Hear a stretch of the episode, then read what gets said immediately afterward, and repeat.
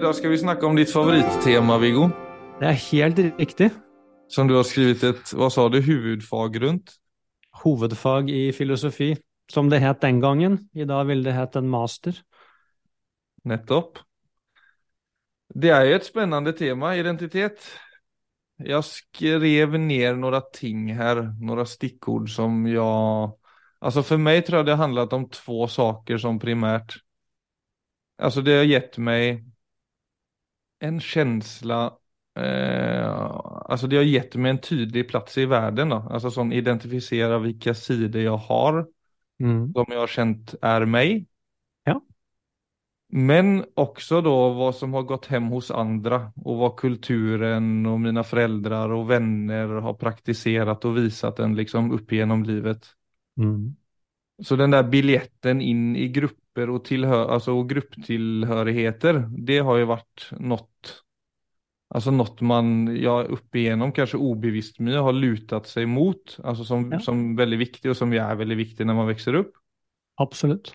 Så att identi identitet blir ju på en måte et sätt å orientere seg i verden på då. Men, men Jeg på den andre andra, jag skulle bara jeg Nej, jag skulle bara säga, men på den andra sidan då. Så, og spesielt med åldern og når man blir voksen, Så har jeg eller så som når jeg ble 20 år så startet en sånn kämpe Altså rundt hvem jeg var, hva jeg skal gjøre, hva jeg vil bli og hva jeg egentlig står og så der. Og jo mer jeg forstod eller om meg selv og det jeg hadde identifisert meg vid og blitt tillært, og sett hvor fiksert i det jeg hadde om meg själv. Ju mer begränsad förstod jag hur det begreppet kan vara. Alltså det faktumet att jag säger att detta är Filip, det blir en sån, det blir en väldigt sån trång idé om vem jag är. Men samtidigt så kan det upplevas tryggt att vara i den bubblan, men det tar bort så många möjligheter för utveckling och känna på flera sidor av livet och, och framförallt i sig själv. absolutt. Det er jo ganske interessant å, å få øye på Altså, nummer én er egentlig bare å se altså, man går inn i dette spørsmålet, ja, hvem, hvem er jeg egentlig? Altså sånn Og man bør ikke gå noe lenger enn til Ja, hvis jeg skal fortelle deg nå hvem jeg er, hva sier jeg da? Hva er det som kommer ut av munnen min når jeg skal fortelle hvem jeg er? Viggo 50 fra Orten. eh, for eksempel. Og så jo virkelig altså være nysgjerrig og undersøke. Man kan jo godt også skrive ned på et ark og se hva ville jeg sagt hvis jeg skal presentere meg selv på ordentlig. Hva vil jeg skrive? Mm. Og så bare egentlig Og vi vet jo det, for at når vi møter noen nye mennesker som vi la oss si, har ordentlig lyst til å bli kjent med, så gjør vi det helt spontant. Vi forteller hvem vi er. Så det å skrive ned den beretningen om meg selv, og så undersøke alt som står på det papiret, og se hvor kommer det fra? Det kan være en, en god sånn første mm. første inngang til å begynne å bryte opp litt de veldig fikserte ideene. For det, det er i hvert fall å begynne å skille ut hvor mye av dette er bare ting som jeg har blitt fortalt. Hvor mye av dette har jeg fått utenifra? Og som du sier, hvor mye av dette er ting jeg bare har gått inn i fordi jeg har skjønt at det funka? Det funka i det sosiale rommet. Det var sånn de andre så meg. Det... Og så begynne å se Men hvordan skal du hente annen informasjon? Det er jo det som er litt interessant då. Ja, du vet, det kommer jo ofte det, Ofte så tar jo livet litt hånd om kommer det ofte sånne faser hvor vi kjenner det at oi, nå har den drakta jeg går rundt i, den har blitt litt for trang. Mm. At den, altså det narrativet jeg går rundt med, sånn som andre mennesker ser meg, plutselig så, så kjenner man jo at det Det er ikke meg. Er Ja, eller de det kanske är bitar av mig, men det är en väldigt, som du säger, trång idé. Eller det, jag, jag skapar kanske 20-30% utrymme för det jag egentlig känner att jag är. for eksempel. Så vi får jo masse signaler innvendig på vi får, det, vi får det faktisk hele tiden, for dette er så grunnleggende. Så det er jo en grunn til at uh, mennesker som ligger for døden, altså det de angrer på, stort sett, det er jo at ikke de turte å være seg selv. Så dette har ligget i bakhodet i verste fall gjennom et helt liv, og man har bare tilpasset seg og spilt roller og tatt på seg masker og passa Ja, men det er det som er så komisk, at den der identiteten handler veldig mye om å liksom, Spesielt når man vokser opp, kanskje hva som er in og hva som er out, Altså hva som er i tiden og hva som ikke er i tiden. Ja. Jag har ju börjat med den här telefon, eh, du vet den punkttelefonen som vi hade en episod om igen. Mm. Som heter en, det är en sån dumbphone då, för de som inte har hört den episoden, men som är motsatsen till en smartphone. Och det handlar ju om att ta kontroll över min egen uppmärksamhet, alltså för min del. Mm. Men så satt jeg på en bursdag i var på en av dem som var der, sa at eh, har ni hørt om den trenden hos unga som boikotter smartphone? Og så sa jeg nei, det har jeg faktisk ikke hørt om. Så sa nei, nå är det jo hett eller nu er det liksom ikke inne å kaste bort livet på telefonbruk. og det var jo, det var jo, det syns jeg i seg selv er veldig spennende å høre, Men også sånn spennende fra et identitetsperspektiv om hvorfor man gjør det. Alltså er det, sånn, er det bare en trend eller er det en faktisk djupgående insikt hos mennesket som, som kan hålla, holde, over tid? Og det er jo det er inte det, det er ju fantastiskt med trender som stimulerer god forandring, men det er, sånn, det er nesten komisk hvor fort man ordlegger seg. Altså i det at nu er, det, nu är det å sitte på en smartphone, det det er ikke lenger fett da. eller det er ikke det man skal gjøre, og sen så kommer det noe annet. Ja. Nei, sånn er det med alle ting. Altså det igjen, der står jo Der står jo egentlig alle ansvarlige overfor seg selv. Det blir jo den Hvorfor gjør jeg det jeg gjør? Og da er vi tilbake grunnleggende sett ved Altså så spørsmålet om identitet, det ligger egentlig under der hele tiden. Så det, det var grunnen til at jeg skrev om det den gangen på hovedfaget. Det var, det var helt tydelig for meg. Altså dette er det dette er det mest grunnleggende, enten vi vet det eller ikke. Så er det, det er der vi sitter fast, det er der vi kan frigjøre oss. Så på mange måter alt handler til syvende og sist om identitet. Og igjen så kan det høres første, første gang du ser det, det høres litt drøyt ut, men hvis du undersøker, ser hvor mye alt du gjør, går tilbake til hva? Det går tilbake til meg. Så egentlig alt det vi gjør, alt det vi føler, bunner i hvem vi opplever at vi er.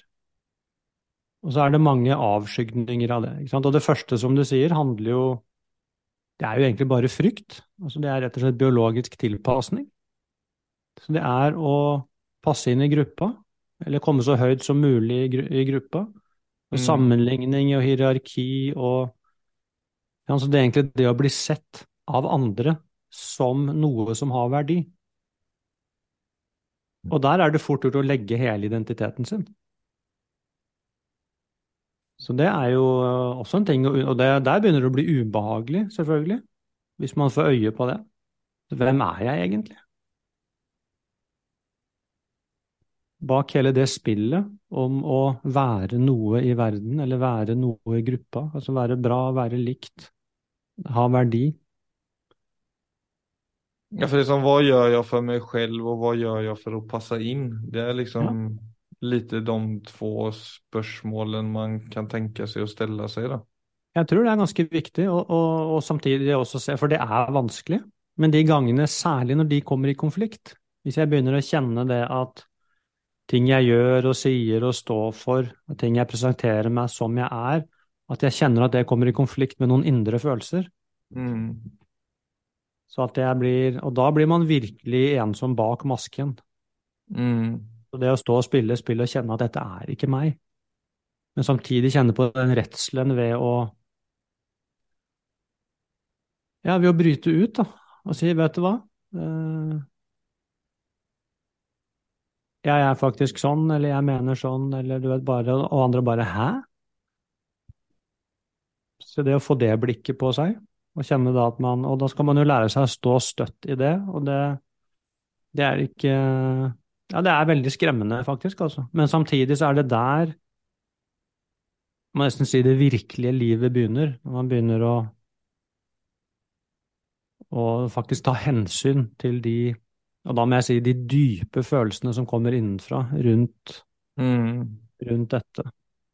Altså, og da blir det jo både hvem jeg er, men også hva jeg, hva jeg står for, hva jeg kjenner er riktig og viktig, osv., osv. Så videre, sånn at, det, at jeg kjenner igjen meg selv. Han som går rundt og snakker, han som går rundt og gjør disse valgene. Jeg kjenner at ja, det er meg. Det, dette står jeg for. Det er, som du sier på norsk, det er hel ved. Mm. Så der er det Og er Men det är ju selvfølgelig bara med att ta in det där perspektivet om att det är så bekvämt också att hålla och vara kvar i det tillståndet av den jag är. För det jag, kan, det jag förstår väldigt gott för folk som kan känna det till och med när det kommer till negativa födelser eller vara lite småirriterad ibland och bara liksom få utrymme till att bursta ut det på sin partner eller liknande.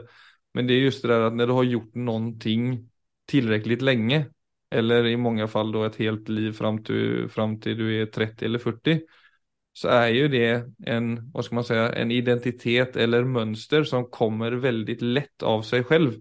Alltså Jeg kan Ja. kjenne at alle mine sider i dag, som har vært med meg over tid, det kommer av seg selv. Mm. Oavsett om det er då negativt eller positivt så kan det være enkelt å være i den rollen For att det krever, på det krever inget ekstra ansvar. Alltså det å bli lettirritert på Gitte, min kjæreste, er lettere å bli än att bara ta ansvar, pusta gott och liksom se på mig själv ärligt och säga du Filip, nu får du fan, det där är bara ett oheldigt mönster som du utövar. Ja. Som kan vara värt att ta en blick på, men det kräver ju någonting av mig. Det Absolutt. att göra, det att bryta ut då. Och göra det riktiga, det är ju ofta någonting som som mycket Ja. bara kommer av sig själv, så som mye av allt det vi har gjort hela livet gör. Jeg skjønner hva du sier, men på en annen side så kan du si at det kommer av seg selv på den måten at plutselig så kjenner man det at nå orker jeg ikke mer. Og det er ikke noe man velger. Plutselig så blir man bare drittlei mønsteret sitt. Altså man blir drittlei seg selv, som vi sier. Så jeg er drittlei min egen feighet og min egen frykt og min egen tilpasning og min egen innordning og alt sammen. Da er det tid. Men de skjer ju alle? Nei, og det er helt greit. Ja, men du, det- det, det är det jag menar sånn förebygg. Man må jo kunne gjøre noe forebyggende innan man kjører rett inn i en betongvegg, liksom. Ja, men du skjønner, det, da Eller er vi det, tilbake kultur, er det såpass fuckad kultur her at det må skje, liksom? Da, da er vi tilbake til det. Ja. Vi Ja, det er, det Det er, är så eh, giftig kultur. Ja, den er i hvert fall altså Det er ikke en så giftig kultur, men akkurat når det gjelder identitet, så i dag så er det i kulturen så er det et 100% biologisk anliggende. Så det er kun biologien vår som er identitetsbærer.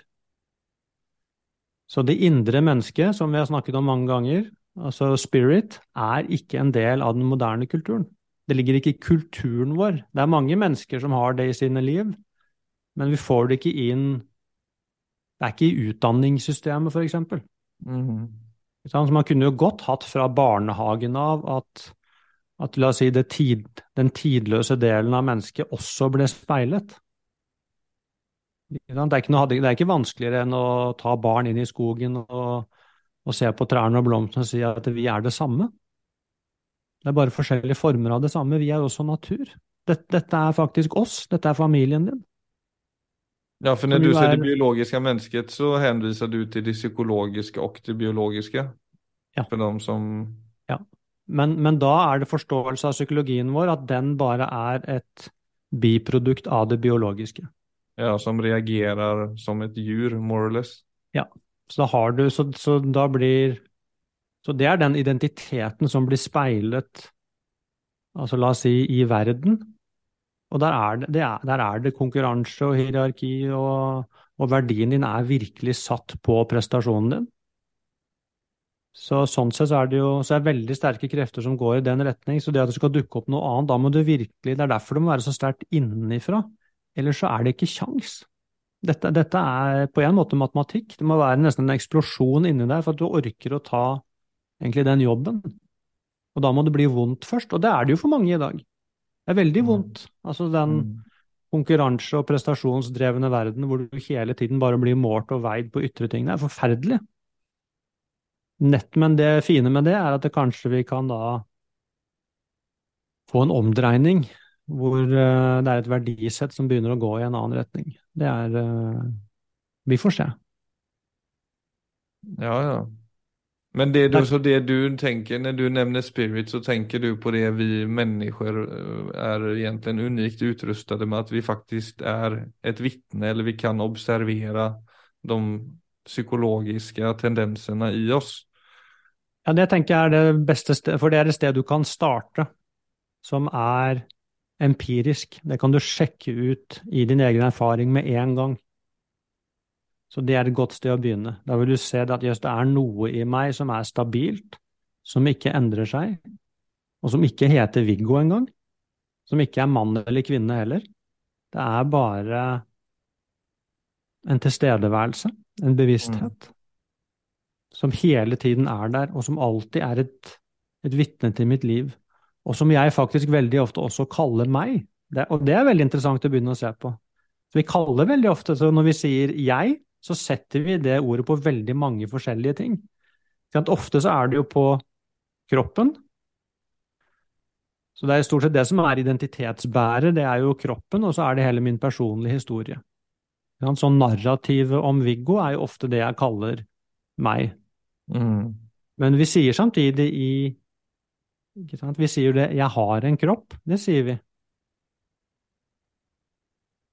Og vi si 'jeg har tanker', 'jeg har følelser'. Og da har vi plutselig lagt jeget på noe som er bakenfor kroppen, bakenfor tankene og bakenfor følelsene. Mm. Så det føler vi veldig sterkt, akkurat som det er et jeg der som er atskilt. Et senter, ja. Fra alt det som skjer, alt det som endrer seg hele tiden. Og når vi sier jeg, så, så peker vi også på noe som er stabilt. Ja, men så lyfter du identiteten ut i et utseende eller ut i en handling eller ut i en prestasjon yes. eller en relasjon. Det skjer så fort. Men du starter med jeg, ja, og så, så går vi litt på... vilse etter hvert. Hvis du kjenner bare på Hvis jeg spør deg nå, Philip, bare sånn rent følelsesmessig, ikke sant, så vil du si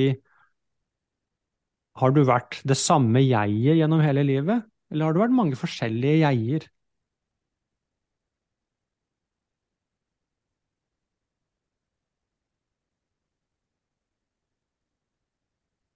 Ja, men Når du ser et bilde av deg selv, f.eks. når du var 14, vil, vil, du tenke på nei, det var jo meg, eller tenke nei, det var en helt annen person?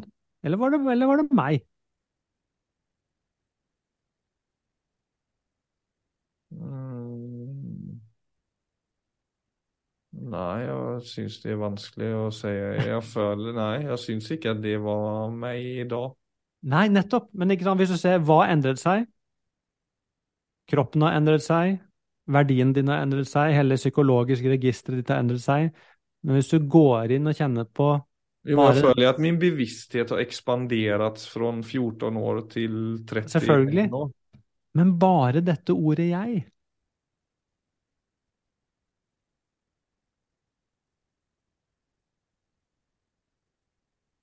Jeg tror Hvis du klarer å isolere altså det rene jeget, så tror jeg du vil si at det har ikke endret seg det var alltid det det var, og vil alltid være det det er. Og har ingen grenser heller, hvis du går inn i det. Så når du kommer til Når du mm. begynner å undersøke identitet i dybden, så vil du se at det er et mysterium. Og det er et mysterium det er veldig fint å være i kontakt med, for det åpner, altså det åpner livshorisonten noe helt enormt, faktisk.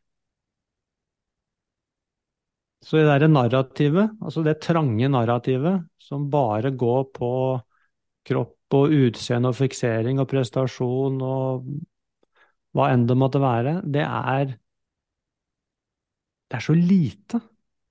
Det er ikke noe mystisk der. Nei, det er som et bøttekott. Nei, men Det er återigen det der med den punkttelefonen jeg har nå, som gir meg de her naturlige pausene som jeg ikke hadde tidligere. Mm jag får inte syn på, li, alltså på nyanserna av ögonblicket när jag hela tiden är upptatt med ett eller annat. Eller när min uppmärksamhet hela tiden är utanför mig själv. Och för mig idag så är inte det ett liv, eller det är inte ett gott liv. Då, då kunde jag faktiskt, om jag ska vara helt ärlig, nästan icke levt. Alltså mm. så, så, så, så illa har jag lagt märke till att det är å hela tiden vara på ett eller annat. Mm. Mm, jeg er helt enig med deg. Du kan tenke deg da, hvis det er det man definerer som livet, så er det jo ikke rart at, at det er mange som opplever at livet er meningsløst og sånne ting. Det er for at det er Horisonten er bare blitt så ufattelig liten. Ja, det er nettopp det. Jeg må kunne sitte på min uteplass og bare legge merke til livet og ta inn livet og blomstringen som skjer på syrinträdet og tulipanerna og pionerna som poppar opp. Alltså man Nettopp. drar jo ofte den parallellen som jo blir lite sånn eh, kan høres klisjé, men det jag egentligen, alltså sån, nu är det jo det jeg legger märke til når jeg sitter på min uteplats. Men det å ikke ensa eller ha förmågan til å ta inn de sidorna som, som er eh, eh, bara kontakt då. Det är egentligen det det är. Alltså kontakt med någonting i ögonblicket som stimulerar och som ger livskraft.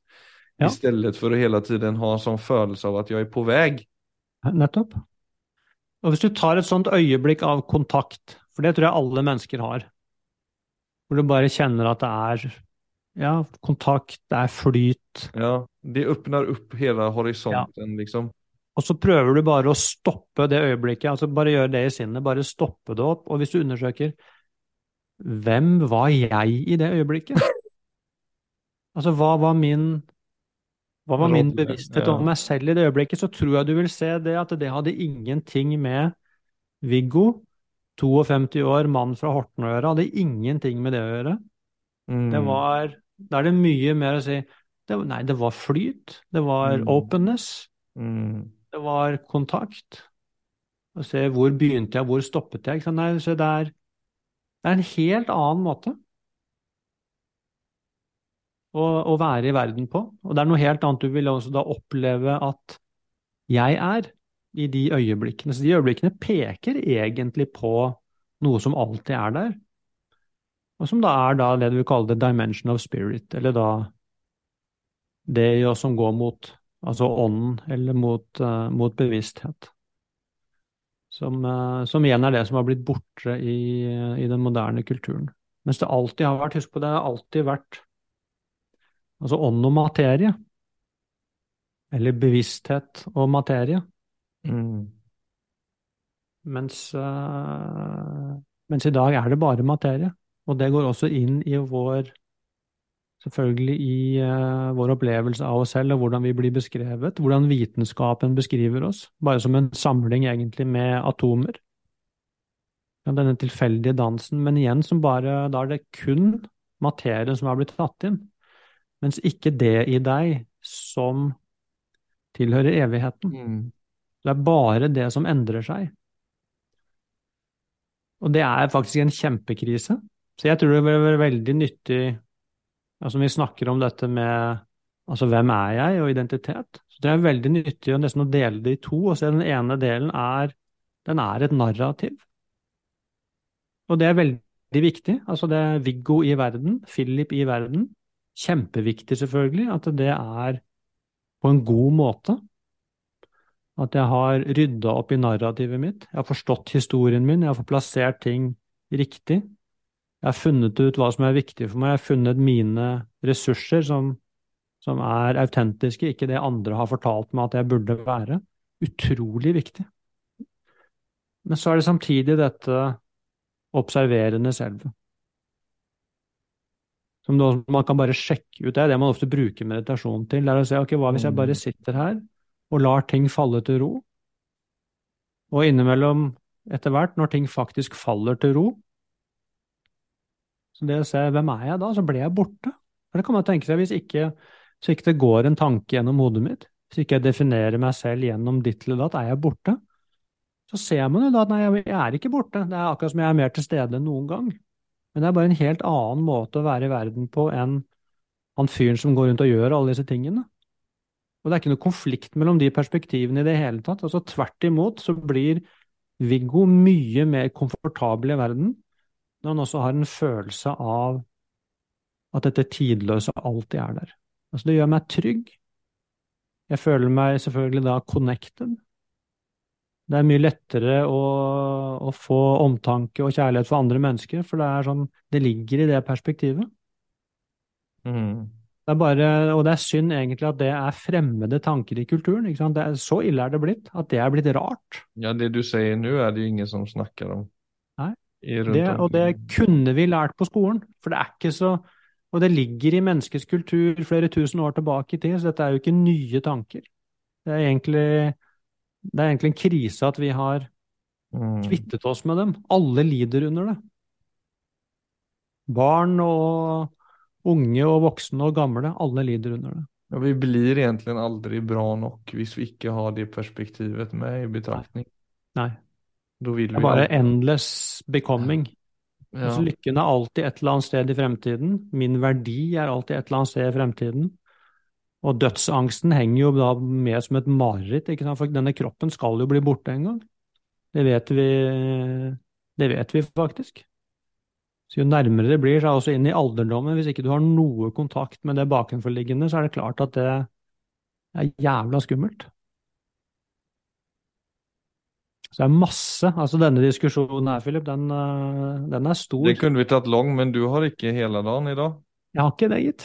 Men jeg har en veldig fin eh, kort meditasjon jeg har lyst til å avslutte med da, sammen med lytterne, som handler litt om å være villig å forlore alt, samtidig som du vil gå all in på din egen vei.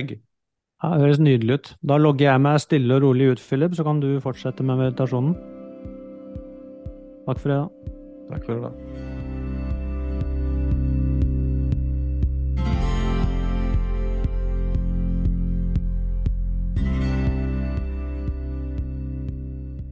Denna meditationen handlar då i utgångspunkt om att vi ska aktivera, alltså det i oss som vågar gå sin egna väg samtidigt som man då är förberedd på att man faktiskt kan förlora allt.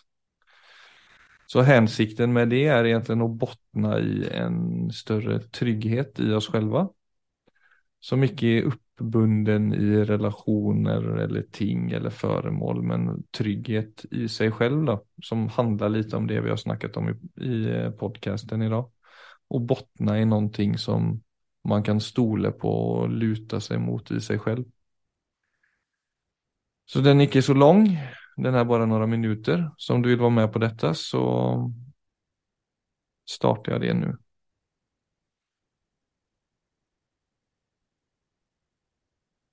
Så om du sätter dig till rätta på en stol med rak rygg, gärna öppen rygg så att du kan lena dig mot ett ryggstöd. Men sitt så behagligt som möjligt. Samtidigt som du ska ha en känsla av vakenhet. Så om du har funnit din position så kan du sluta ögonen. Och känna kroppen inifrån. Med pusten som går in genom näsan. In i kroppen. Expanderar magen. Och ut gjennom kroppen og ut gjennom nesa. Så vil jeg at ni skal velge noe som ni kjenner at ni har fäst er vid litt for mye. Og det kan da være en person eller et föremål eller en jobbsituation. Som du kjenner nesten at du har fått et det er veldig, veldig viktig for dig. Men du håller det litt for hårt. Du har benägenhet til å ville kontrollere situasjonen så at den skal forbli som den er. Så om du bruker nu några sekunder på å finne den situasjonen eller personen eller föremålet. Så skal vi starte om 15 sekunder.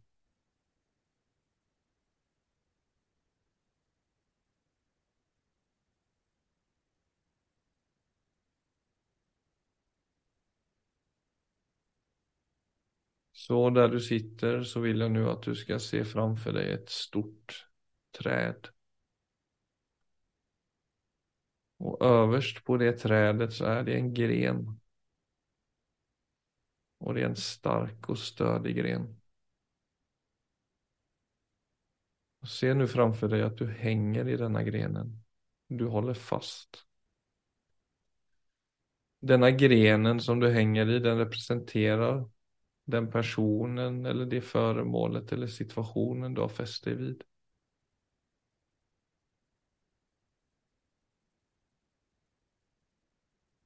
Nu velger du å slippe taget. Du slipper taget om grenen. og så sier du innom deg, jeg er villig å förlora alt. Kjenn avsikten i de orden. Du faller ned. Du er på vei ned mot en öppen, blomstrande äng. Och du landar mjukt på ryggen.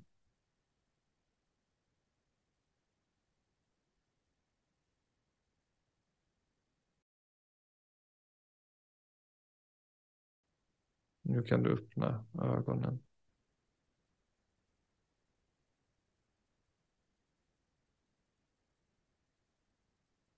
Denna korta meditationen bygger egentligen på en väldigt enkel teori. Och det är egentligen vår evne och förmåga till att visualisera detta så starkt som möjligt. Att den, den grenen vi håller fast i, den representerar det vi har bundit upp oss i lite för mycket. Så det man inviterar till är att vi ska kunna landa ett hack djupare i oss själva. Så vi är klara för att gå all in på den vägen vi vet är riktig för oss. Samtidigt som vi finner styrka och ryggrad i det att vi kan förlora allt. Och vi kan också mista ting på den vägen. Så denna meditationen kan ni använda som ett sätt att känna på kontroll i det anseendet att vi är villiga och klara över att hantera det som kommer vår väg. Tack för idag.